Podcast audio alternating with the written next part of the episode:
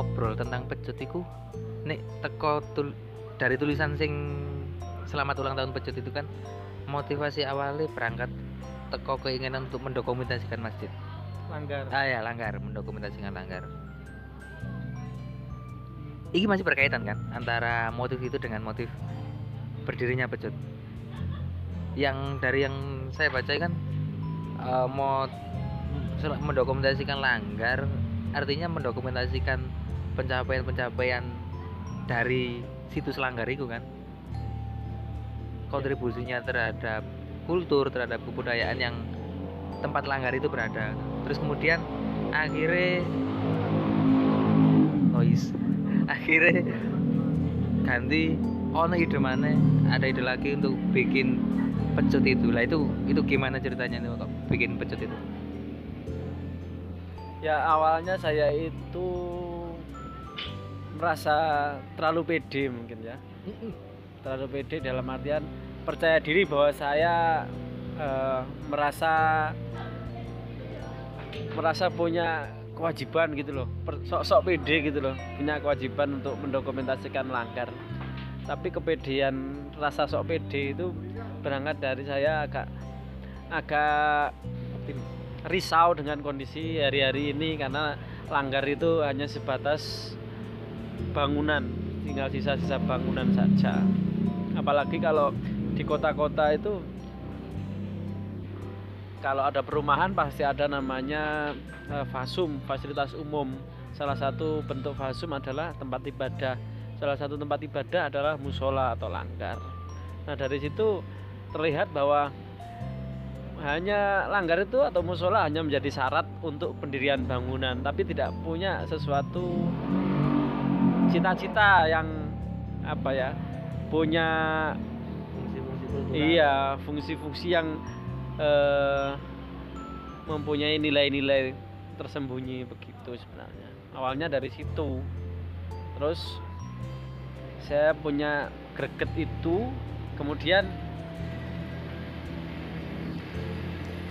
saya punya inisiatif untuk menghubungi teman-teman saya yang di Malang. Karena kebetulan saya warga Malang eh, apa ya eh, warga naturalisasi sebenarnya kan? Eh, penelitian atau dokumentasi langgar itu di Malang? Rencananya di Malang karena saya sebagai warga naturalisasi Malang saya merasa pede juga sok kepedean punya kewajiban itu gitu kan. Kebetulan saya punya banyak teman di Malang yang rumahnya asli Malang saya kontak satu persatu. Saya membaginya begini. Ada 33 kecamatan di Kabupaten Malang terus kemudian ada lima kecamatan di Kota Batu dan eh tiga kecamatan di Kota Batu dan lima kecamatan di Kota Malang gitu. Nah dari situ teman-teman saya kontaki satu persatu supaya untuk mencari membantu saya mengabarkan gitu kan. Adakah langgar yang tertua di kecamatan tersebut? Gitu awalnya begitu. Nah kemudian rencana saya informasi tentang perlanggaran ini agar dapat dikonsumsi publik dapat diketahui banyak orang. Salah satu caranya adalah dimuat di dalam eh, kanal online media maya begitu. Sebelum nanti rencananya sih rencananya mau dibukukan tapi kan masih panjang jangka waktunya itu. Risetnya panjang sekali. Nah akhirnya saya ingin membuat eh, web yang berfungsi untuk mengabarkan tentang dokumentasi pergeseran dan pola-pola eh, keberadaan langgar tersebut.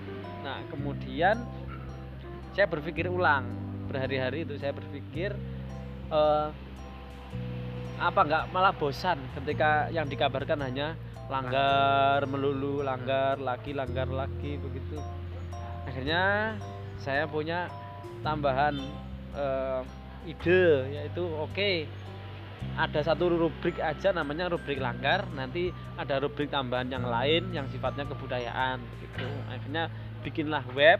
Nah ada tujuh rubrik salah satu rubriknya tentang langgar. Tapi tidak fokus bahas langgar tapi lebih kepada eh, tema-tema tentang ritus ibadat dan lokalitas. Itu langgar gitu. Akhirnya berkembang. Langgar yang semula ide gagasan tentang riset Mhm. langgar kemudian berkembang menjadi web. Web masih ada dalam satu naungan rubrik langgar namanya rubrik langgar. Itu pun tidak membahas langgar secara sempit tapi ternyata saya punya ide langgar diberi ruang yang lebih luas untuk membahas tentang tema-tema yang bersifat ritus ibadat dan lokalitas. Begitu kalau itu berarti webnya jadi pecut itu pak ya? Gagasan awalnya itu? Ya itu kemudian adalah nama web itu nanti. Kemudian namanya pecut itu. Sebelum nama pecut sebenarnya ada inisiatif nama yang lain. Cuman apa itu? eh, itu saya rahasiakan itu Oh, gitu. namanya tapi namanya pecat apa?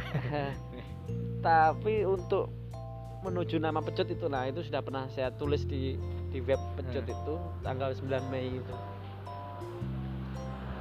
yang di 9 Mei itu kan disebutkan cuman bernama titik titik titik tapi Hmm. nggak ada nama apa Hmm. nggak nggak disebutkan nama apa Iya. itu. Baru saya di akhir kemudian pecut itu. Iya. Kenapa nggak disebutkan pak? Eh, saya kira nggak perlu lah itu nggak penting gitu kan. Oh, oke. itu ada tapi nggak perlu ditelisik datanya gitu kan. Ada memang tapi nggak penting. Memang pernah namanya. Tapi kan nama nggak kan nama nggak resmi itu kan nama rencana Ah, iya, gitu iya. kan nama tidak rencana. kemudian diresmikan menjadi sebuah nama. Iya sebenarnya bisa tapi ternyata ada yang lebih kuat diksinya itu tadi. Pecut itu tadi ya. Mm. terus? Eh, tadi saya nanya kenapa bikin pecut? Kenapa kemudian pecut itu hadir dalam bentuk web? Kenapa Ah, bukan dalam bentuk yang lain misalnya? Eh karena mendokumentasikan mendokumentasikan eh, kalau dari kontennya dilihat dari apa pernyataan tentang tentang definisi pecut sendiri kan lebih concern ke wilayah sosial budaya ya Pak? iya. Lah, kenapa nggak memilih bentuk yang lain misalnya eh, musik kah atau atau film? Nggak kenapa pecut itu dalam membawa misinya itu hadir sebagai oh. sebuah web gitu loh? Kenapa nggak jadi radio atau portal YouTube gitu kan? Oh. Kalau eh, kanal media maya ini web itu karena basis material awalnya adalah tulisan gitu Tulisan. kan. Memang risetnya riset tulisan dan kenapa pecut, kenapa web itu berdiri dan kemudian membesar gitu kan, menggemuk gitu. Awalnya kan cuman tentang sesuatu hal langgar yang sekedar saja, tapi ternyata menggemuk, membesar menjadi sebuah web tentang kebudayaan. Nah, karena kenapa kayak gitu? Karena saya juga tanya ke teman-teman. Teman-teman yang saya tahu, saya kenal dan mereka juga bergerak di penulisan, di web di dunia perweban, ada yang eh, wartawan, saya tanya, ada nggak di Malang itu yang web yang ngomong tentang kebudayaan? Gitu kan, ngomong tentang kebudayaan.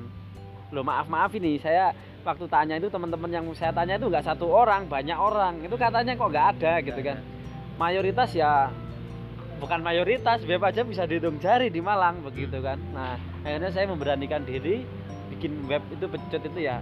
Eh, apa itu eh, jargonnya eh, berkebudayaan sejuk menyegarkan itu aja. Jadi mengabarkan sesuatu yang positif. Dan di situ kita nggak nggak memuat tulisan yang eh, strike news atau berita-berita yang sehari eh, dibaca besok basi kita nggak nggak nggak me- mempublish seperti itu tapi memuat memuat berita juga. Berita dalam artian yang kita muat adalah berita yang dibaca kapan pun masih masih relevan gitu kan. Itu masuk dalam rubrik namanya jalan-jalan. Nah jalan-jalan itu mengabarkan sesuatu yang positif bukan peristiwa yang eh, temporar bukan per- peristiwa yang sekali jadi besok nggak berfungsi. Nah gitu sebenarnya lebih menitik beratkan pada nilainya bukan peristiwanya Oke, bisa dikatakan menitik beratkan nilai. Cuman yang yang lebih lebih bisa dilihat adalah tulisan yang punya eh, apa ya pesan positif yang bisa dibaca berulang-ulang. Sebenarnya begitu. Titik tekannya di dua hal itu. Ya, ya itu karena berarti itu tadi ya pak. Eh, di Malang bisa dikatakan belum ada portal web yang concern untuk bicara tentang seni bud apa sosial budaya. Eh, iya sosial budaya atau? Ya. Atau kebudayaan kebudayaan. Ya begitulah. Setahu saya begitu. Mungkin kalau blog-blog beberapa Iya. ada tapi kalau web begitu setahu saya dan setelah saya tanya-tanya itu nggak ada. Atau belum atau saya nggak tahu. Misalkan contoh di pecut ID itu ada rubrik namanya residu resensi film dan buku. Nah di Malang itu ada nggak web yang men- mewadahi tentang perfilman? Misalkan ulasan film. Saya rasa juga nggak tahu juga ya. Saya kok nggak nggak dengar gitu kan. Terus kemudian resensi buku gitu juga mungkin blog-blog ada cuman kalau web kayaknya jarang. Atau kalau bisa dirunut adalah begini caranya di Malang itu ada web berapa? Thread begitu aja. Webnya ada berapa kemudian dipastikan dipetakan webnya apa. Kalau web-web tentang gerakan literasi banyak saya kira.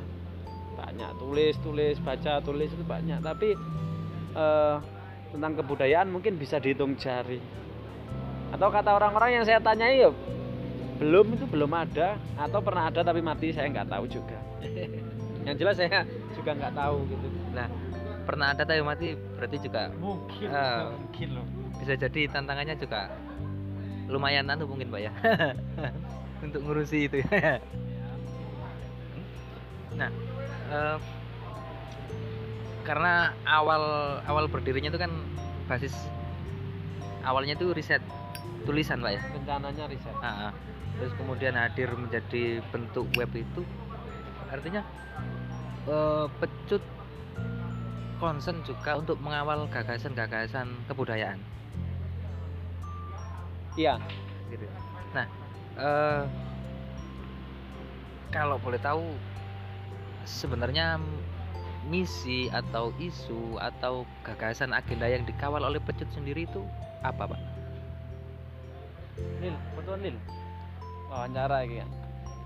Misi atau agenda? Nggak apa-apa misi atau agenda? Hmm. Yang, Yang, yang maksudnya gimana? Eh, ya itu tadi artinya pe- pecut sebagai web yang eh, di situ menyebutkan eh, kontennya juga selain teks juga ada video atau grafis pak ya? Kemarin saya lihat webnya seperti itu. Eh, kontennya selain teks ada grafis ada video. Lah cuman porsi yang lebih besar saya lihat ada di teks. Nah artinya pecut eh, lebih banyak memberikan porsi terhadap eh, kemungkinan untuk berbagi gagasan tentang kebudayaan. Seperti itu. Sebenarnya begini selain berbagi mungkin kita juga punya eh, keinginan untuk merekam merekam tentang apa ya eh, kejadian atau fenomena yang sedang berlangsung. Eh, kemarin waktu pandemi itu kita bikin acara namanya pecut talk. Hmm, pecut talk itu kita mengundang eh, beberapa narasumber yang di luar negeri. Narasumber pertama itu kita undang yang di Rusia teman-teman yang Indonesia kuliah di Rusia. Kita tanya di sana itu bagaimana sih eh, penanganan COVID-19 di Rusia? Karena di Rusia kan terhitung tinggi. Ah, karena dia Rusia adalah berbatasan dengan Cina kan? Dekat sekali kan? Nah, Rusia seperti apa seperti apa itu kan? Kita juga tanya-tanya ketika eh, keislaman muncul di sana atau ritus ibadah agama di sana itu seperti apa. Kemudian setelah itu kita juga pecutok yang keberapa itu ya. Kedua ketiga itu ngundang eh, dari Cina yang kuliah di Cina di Guangzhou itu. Kita tanyakan juga. Terus kemudian apa lagi ya? Pokoknya pecutok itu waktu pandemi kemarin kita bahas pecutok itu. Live Instagram. Nah, eh, o- oke itu berarti kita melangkah ke platform lain selain web ya Cuman, oh iya. eh, sementara Nah, kita kan tadi, ah, ah, ah, tadi bagian. eh, menanyakan bahwa ada teks grafis video video nah Ah, Instagram itu adalah sebenarnya Bagian pola dari- bagian ah. dari eh, ceruk-ceruk kecilnya kan pecut gitu. Ah, lah ya artinya eh, misal ad- ada satu web yang dia concern untuk mengawal ide-ide tentang eh, pembebasan kelas bawah. Ada yang concern terhadap eh, pembebasan ide-ide LGBT misalnya. Atau ada web yang concern untuk bicara tentang eh, ekologi misalnya. Kalau pecut sendiri concern isu yang dikawalnya apa pak? Ya kalau pecut ya karena web kebudayaan yang dikawal ya setidaknya ada tujuh hal yang menurut Kuncoro Ningrat bagian dari kebudayaan itu misalnya kata Kuncoro Ningrat kalau tidak salah mengatakan ada tujuh bagian dari kebudayaan itu. Antara lain adalah eh, apa namanya seni. Kemudian nomor dua adalah bahasa. Nomor tiga adalah sistem religi. Nomor empat adalah sosial politik. Nomor lima adalah teknologi informasi. Nomor enam adalah eh, sistem mata pencaharian masyarakat nomor tujuh adalah saya lupa nomor tujuh. Nanti dicari aja. Ya oke oke oke. Karena ini Eh, bukan kuliah. Iya, eh, secara ya secara general Pecut jelas eh, memberikan perhatian terhadap isu-isu kebudayaan, tapi gagasan dalam berkebudayaan yang bagaimana yang diusung oleh Pecut itu kan? Ketika bicara kebudayaan kita bisa melihat banyak eh, konsen-konsen kebudayaan itu.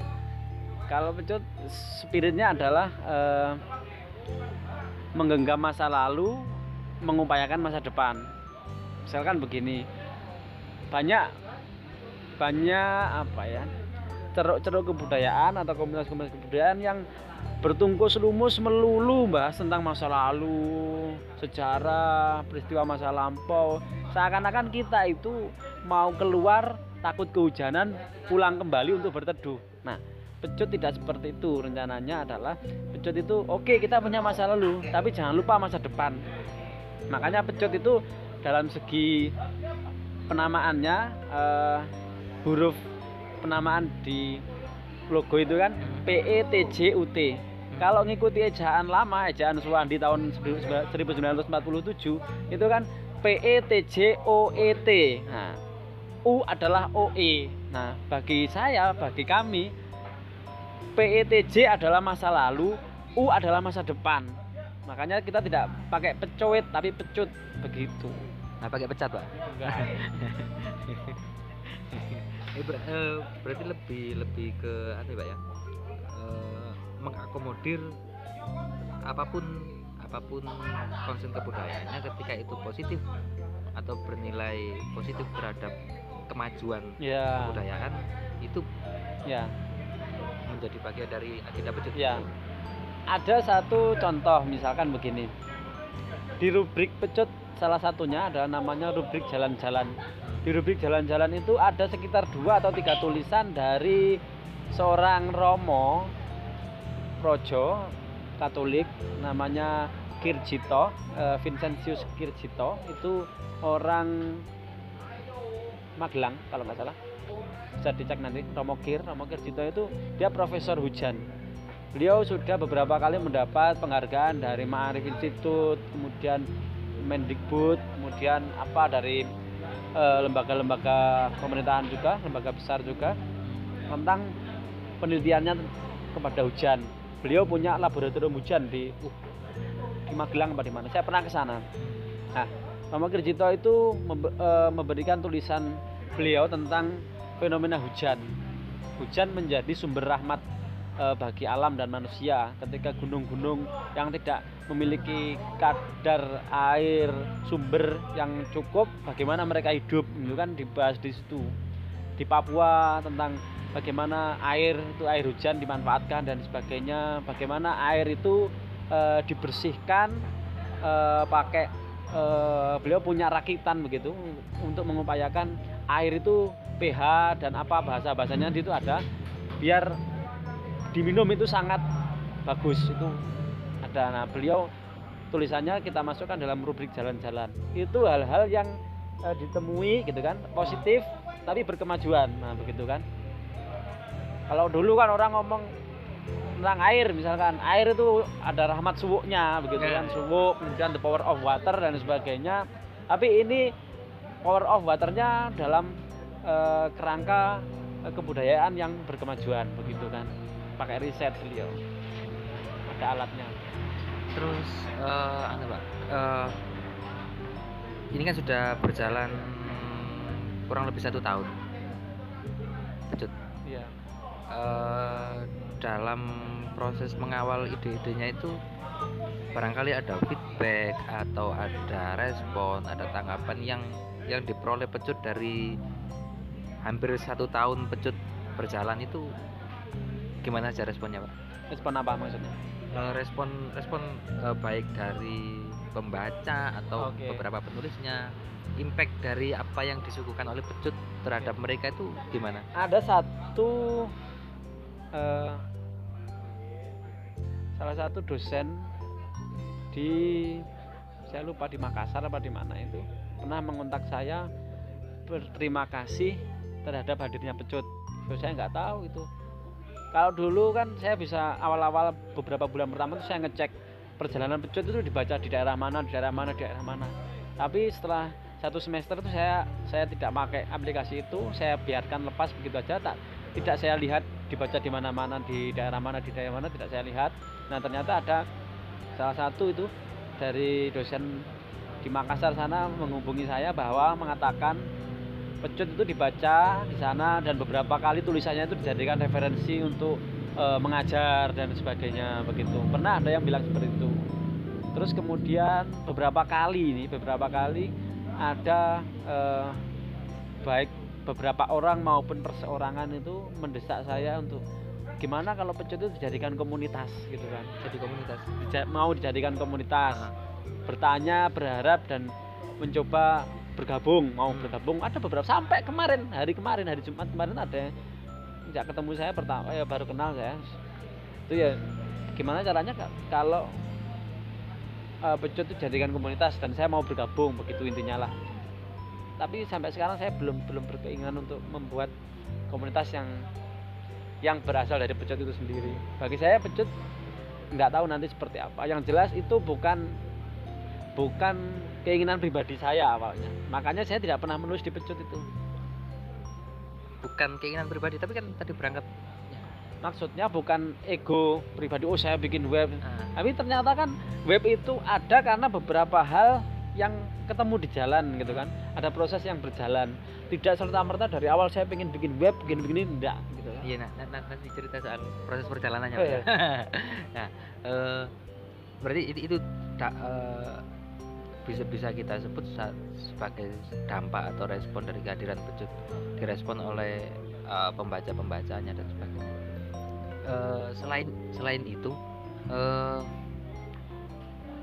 apakah kemudian pecut ini ketika dia em, punya satu misi punya satu gagasan yang diusung tadi berkaitan dengan kebudayaan eh, proses berkembangnya pecut ini mengawal gagasan itu apakah kemudian sampai pada wilayah aksi-aksi dari masyarakat luas atau atau bagaimana? Nah begini. Saya berangkatnya bukan bukan aksi reaksi tapi berangkatnya dari eh, pemikiran dualisme penamaan atau istilah antara online dan offline. Pecut ini adalah kanal online media online portal online web jelas online. Tapi kita hidup dalam dunia offline. Dulu saya pernah berpikir itu awal-awal pecut ini gimana ya supaya pecut ini nggak hanya ngomong di dunia maya gitu. Banyak kan? Banyak dunia maya itu ngomong banyak. Web-web blog-blog. Mereka blog eh, blog-blog atau web-web blogger-blogger itu biasanya kan membuat semacam apa ya pertemuan blogger pertemuan penulis gitu ya? Iya, kopdar penulis web tersebut dan sebagainya dan sebagainya. Nah, eh di situ biasanya mereka semacam temu kangen atau yang belum pernah berkenalan akhirnya bisa bertemu dan berjabat tangan gitu kan. Nah, bagi saya dunia offline ini harus dimaknai dengan sungguh-sungguh dan sebetul-betulnya. Makanya kalau ditanya apa aksi nyata dan sebagainya, nah aksi nyatanya adalah saya merasa bahwa online offline itu perlu perlu dimasuki semuanya. Kalau online sudah pecut ini sudah ada. Offline-nya apa? Akhirnya saya punya inisiasi menginisiasi ad- adanya program tahunan gitu. Setahun sekali itu namanya haul tokoh yang terlupakan. Nah kita bikin haul tokoh yang terlupakan itu kan. Setahun sekali.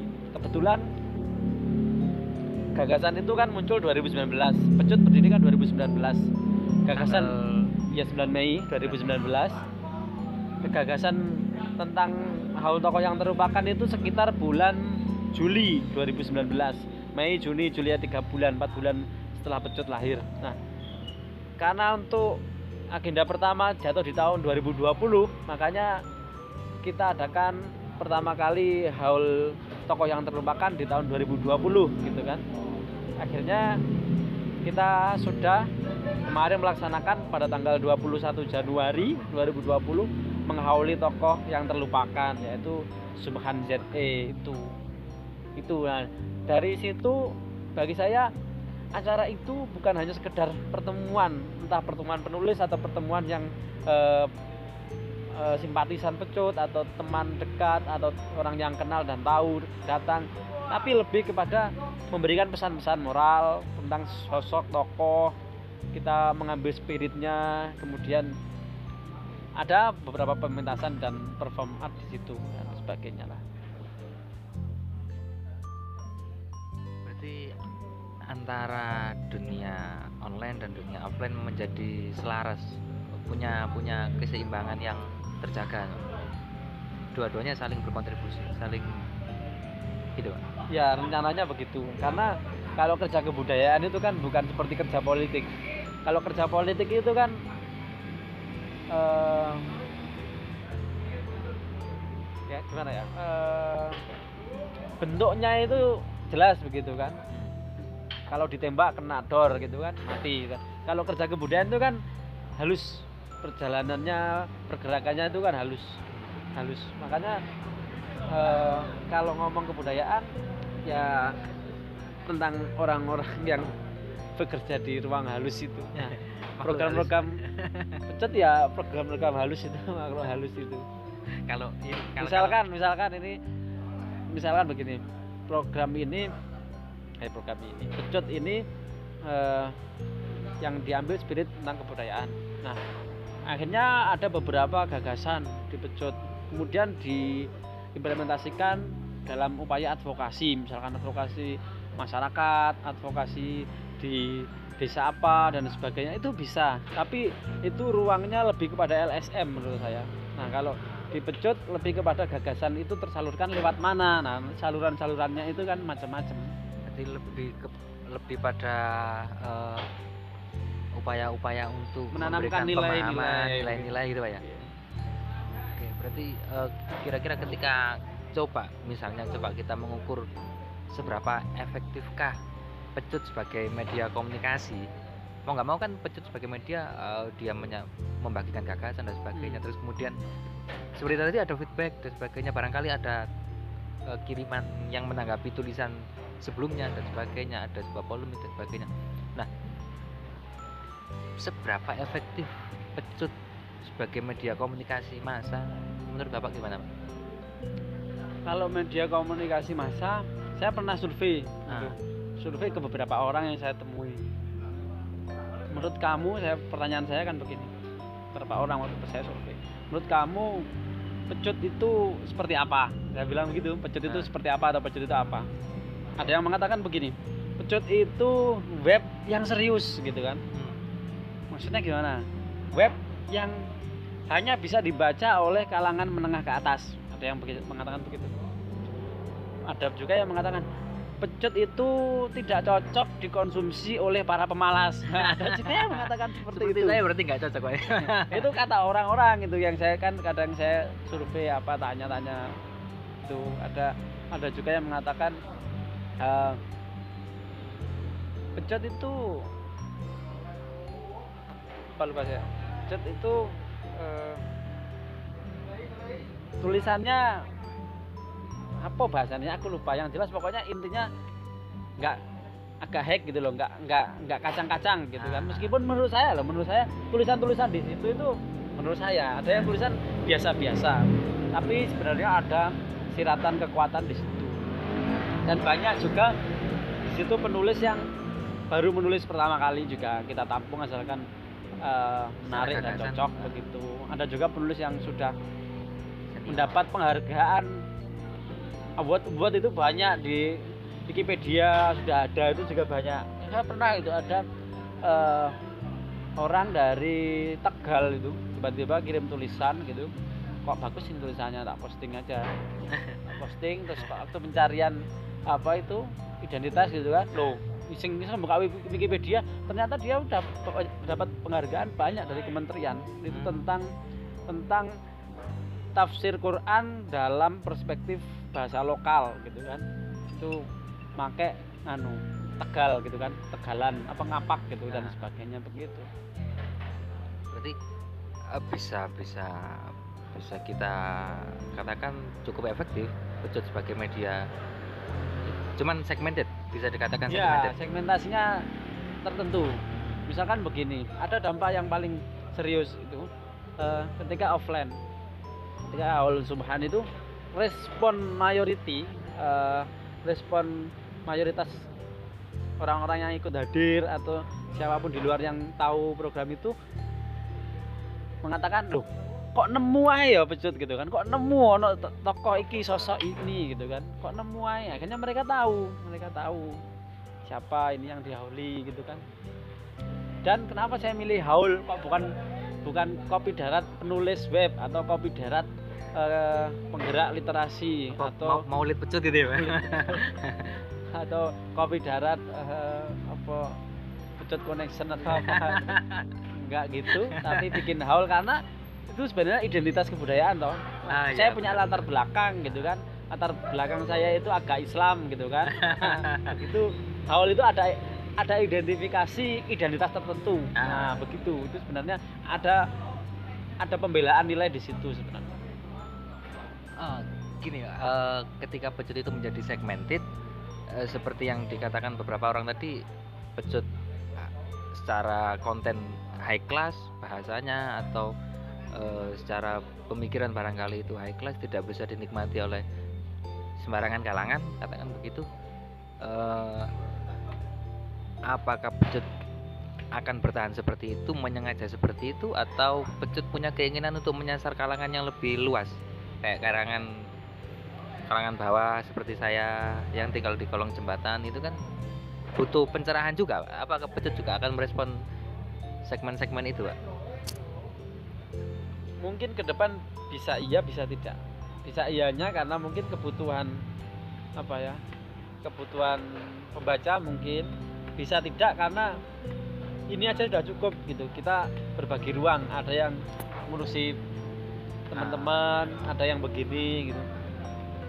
Saya kami itu sering menolak tulisan itu. Ya bukan sombong ya bukan sombong. Tapi apa ya pertama penulis-penulis yang sering lolos di pecut itu kebanyakan, kebanyakan ngenteng nih.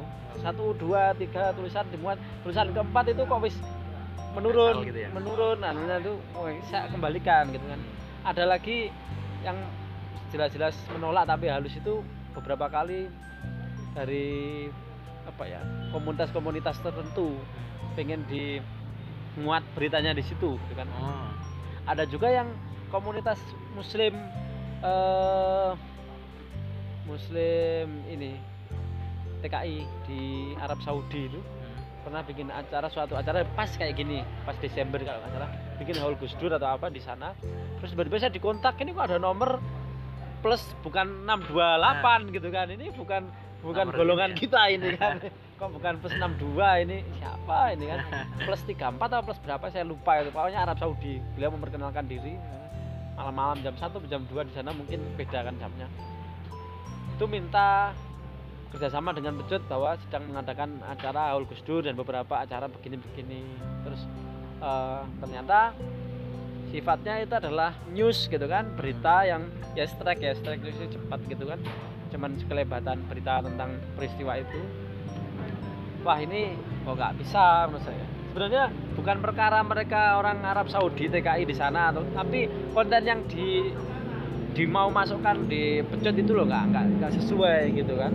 Misalkan itu tentang pergerakan atau kehidupan komunitas muslim di sana gitu ya semacam fitur atau semacam program jalan-jalan itu malah bisa saya gitu nanti nanti coba saya jalan-jalan lah ya.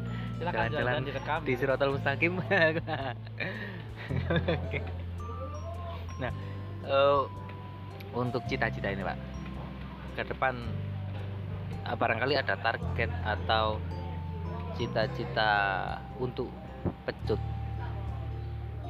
Atau barangkali ada resolusi. Ini kan mau mau tahun baru barangkali ada resolusi solusi jihad. tahun baru untuk pecut ke depan ini mau bagaimana atau gimana? Eh,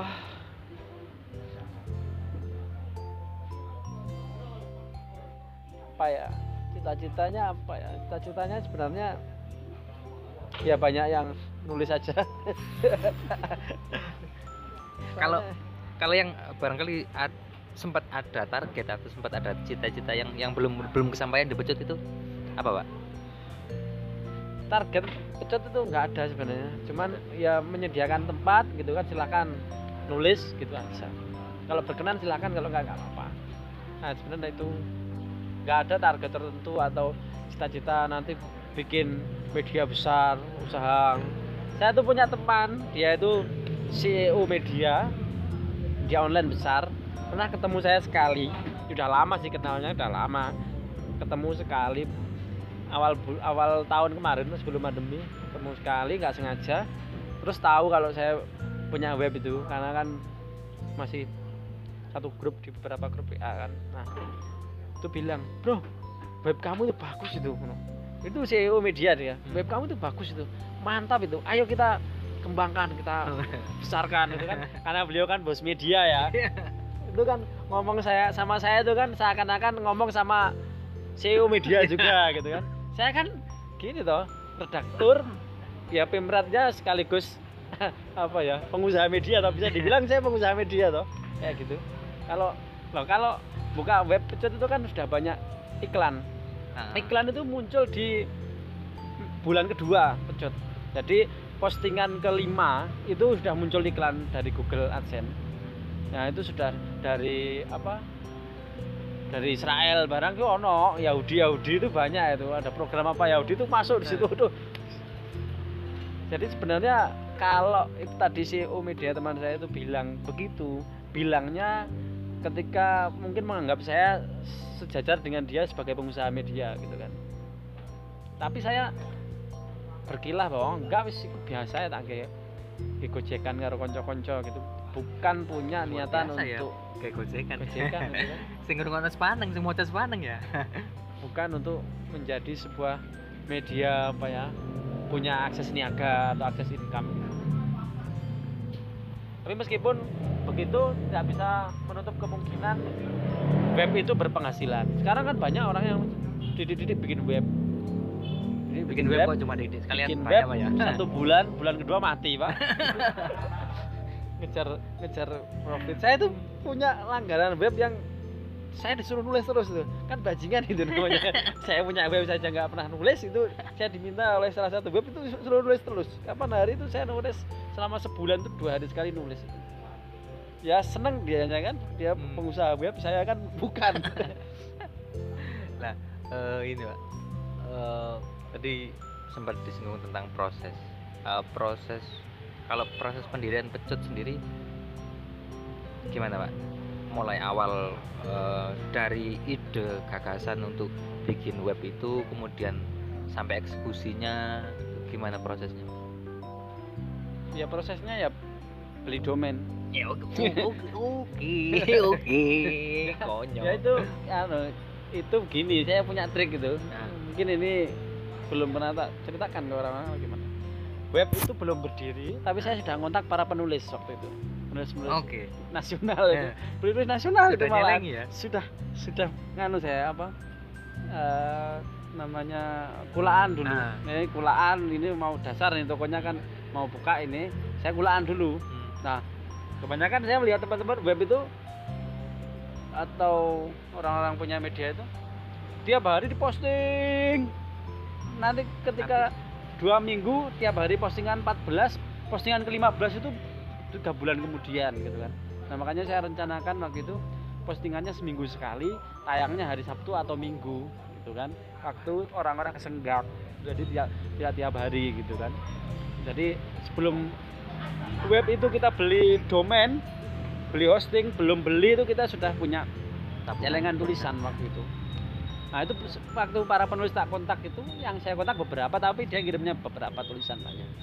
Itu apa webmu? Namanya apa? gitu kan. Mau cek dulu kan ya? Oh is gampang saya bilang gampang nanti tak kasih tahu linknya. gitu kan. Yang penting kan link gitu kan. Link itu kan share link dong. Iya. akhirnya terpaksa dikirimkan tulisannya. Mana lo? Nanti aja gampang gitu kan. Oke. Terus kirim itu. Nah, akhirnya siang hosting domain terbeli sore itu kita sudah bisa posting gitu kan. Sebenarnya itu jadi posting sudah ada gitu. Ah. nggak nunggu orang ngirim. Iya, Jadi kita iya. punya itu kita punya udah punya stok kan? punya stok sekitar dua minggu tiga minggu waktu itu. Ada stok itu. Nah ada lagi kasus begini. Saya punya teman juga punya media yang sekarang medianya sangat terkenal dalam kalangan santri. Itu ketemu saya begini. Mas aku bisa bantu apa untuk pecut gitu kan. Itu itu pecut waktu itu sudah berjalan sekitar lima bulan enam bulan. Oh gak usah dibantu bisa gitu kan. Eh. bisa nggak usah. Terus dia bilang begini saya itu kurang sepakat dengan pecut di wilayah iklan begitu katanya. Kenapa? Nanti kalau sampean ini iklan sampean teruskan kayak gini orang akan melihat bahwa sampean adalah orang yang sedang cari duit dari iklan gitu kan. Katanya begitu. Ya nggak apa-apa gitu kan. Ya nggak apa-apa. Orang biar mengira begitu nggak apa-apa. Karena begini saya punya argumen. Karena sebelum itu beberapa minggu sebelumnya itu ada penulis yang tulisannya itu bolak-balik diminta oleh salah satu web besar di kalangan Islam hari ini. Web besar itu minta ke dia. Ini beda orang ya. Minta ke dia untuk nulis di situ atau tulisannya diminta. Nah, penulis ini tidak mau nah ketika eh, ngobrol pernah ketemu saya saya bilang Dok, yo kirim tulisan ke pecut saya bilang gitu saya tak lihat dulu pecut kayak apa sih progresnya gitu kan waduh saya buka web kok langsung di Sugui Iya, langsung berhadapan dengan banyak iklan. Gitu. Ah. Oke, saya akan kirim tulisan saya. Gitu. Nah, peristiwa ini jadikan argumentasi saya kepada bos media tadi yang mau membantu pecut. Tak bilang gitu.